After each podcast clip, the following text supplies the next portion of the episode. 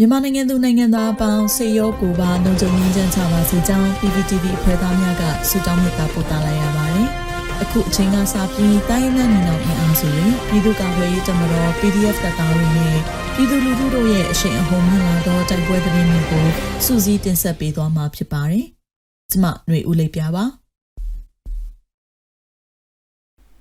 ပထမဦးစွာကြာအင်းစိတ်ကြီးမြို့နယ်တောင်စွန်းကျေးရွာရှိစစ်ကောင်စီစခန်းကို KNL ပူးပေါင်းတပ်ဖွဲ့ဒရုန်းဖြင့်ပုံကျဲပစ်ခတ်မှုစစ်သား9ဦးသေဆုံးတဲ့သတင်းတင်ဆက်ပါမယ်။ကျင်းပြည်နယ်ကြာအင်းစိတ်ကြီးမြို့နယ်တောင်စွန်းကျေးရွာရှိအကြံဖက်စစ်ကောင်စီစခန်းကုန်းနှင့် BGF များပူးပေါင်းတပ်ဆွဲထားသည့်ဂိတ်စခန်းကိုအောက်တိုဘာလ10ရက်နေ့တွင်လက်နက်ကြီးဖြင့်ပစ်ခတ်ပြီးဒရုန်းဖြင့်ပုံကျဲရာစစ်သား9ဦးသေဆုံးကြောင်းသတင်းရရှိပါသည်။ တန်ဖြူစရက်ဖျားသုံးစုကားလန်ပေါ်ရှိတောင်စွန်းကျေးရွာအနီးဖွင့်လှစ်ထားသောစစ်ကောင်စီ BGF ဂိတ်စခန်းကိုတိုက်ခိုက်ခဲ့ခြင်းဖြစ်ပြီးစစ်သား9ဦးသေဆုံးက4ဦးဒဏ်ရာပြင်းထန်ကြောင်းတပ်စခန်းအတွင်းရှိ60မမလက်နက်ကြီးတစ်ခုပျက်စီးသွားကြောင်း KNL ပူးပေါင်းတပ်အထူးစစ်စင်ရေးတပ်ဖွဲ့ SOF ကသတင်းထုတ်ပြန်ထားပါတယ်ရှင်။ ကံကောတွင်စစ်တပ်ပြူစောထီးများနှင့် YDF ကြားတိုက်ပွဲဖြစ်ပွားပြီးစစ်ကောင်စီဘက်မှ၈ဦးသေဆုံးတဲ့သတင်းဆက်လက်တင်ဆက်မှာပါ။ကံကောမြို့နယ်မြောက်ပိုင်းသို့စစ်ကြောင်းထိုးလာသောအကြမ်းဖက်စစ်ကောင်စီတပ်ခလာရ90ပြူစောထီးပူပေါင်းအဖွဲ့နှင့် YDF တရင်1နှင့်3တို့ကြားအောက်တိုဘာလ18ရက်ယမန်နေ့တွင်တိုက်ပွဲဖြစ်ပွားပြီးစစ်ကောင်စီဘက်မှ၈ဦးသေဆုံးကြောင်းသတင်းရရှိပါသည်။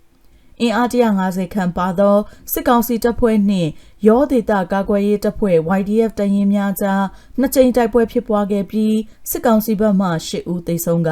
အများအပြားဒဏ်ရာရခဲ့ပြီး YDF ဘက်မှရဲဘော်2ဦးဒဏ်ရာရကြောင်း YDF ကသတင်းထုတ်ပြန်ထားပါတယ်။ရွှေဘိုတွင်လည်းစစ်သားများလိုက်ပါလာတော့ကမိုင်းဆွဲခံရပြီးနှစ်ဦးသေဆုံးတဲ့တဲ့ဆက်လက်တင်ဆက်မှာပါ။ရွှေဘိုမြို့နယ်တွင်စစ်သားများလိုက်ပါလာက ကားမိုင်းဆွဲတိုက်ခိုက်ခံရပြီးနှစ်ဦးသေဆုံးကြောင်း SPTF အဖွဲ့ထံမှသိရှိရပါတယ်။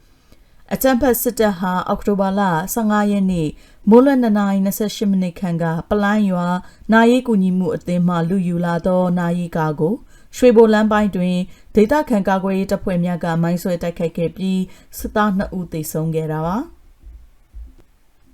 နောက်ဆုံးအနေနဲ့စကိုင်းမုံရွာကားလန်တွင်စစ်ရင်တမ်းများအချင်းချင်းမိုင်းခွဲခံရပြီးစစ်သား9ဦးထပ်မံထိခိုက်သေဆုံးနိုင်တဲ့သတင်းတင်ဆက်ပါမယ်။စကိုင်းတိုင်းစကိုင်းမုံရွာကားလန်တွင်မုံရွာဘက်သို့တွားနေသောစစ်ကောင်စီရင်တမ်းများကိုဒေသကာကွယ်ရေးတပ်ဖွဲ့များကအောက်တိုဘာလ18ရက်ယမန်နေ့တွင်အချင်းချင်းမိုင်းခွဲတိုက်ခိုက်ရာ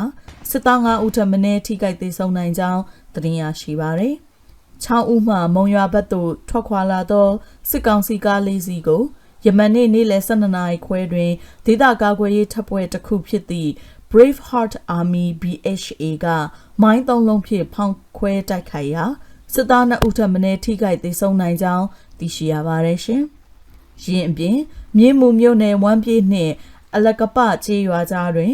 ယမန်နေ့မွန်းလွဲ2နာရီ12မိနစ်၌စကိုင်းအခြေဆိုင်တပ်မ33မှမုံရွာဘက်သို့ထွက်ခွာလာသောစက်တစည်းပါစစ်ရင်တန်းကိုမဟာမိတ်အဖွဲ့များကပဒေသာမိုင်းလေးလုံးဖြင့်ဖောက်ခွဲတိုက်ခိုက်ရာစစ်ကားများထိမှန်ပြီးညောင်လန်းခွဲတွင်ကားများရက်ခပြင်ဆင်ခြင်းစိတ်ကုသခြင်းများပြုလုပ်နေကြောင်း PAFD ကသတင်းထုတ်ပြန်ပါတယ်။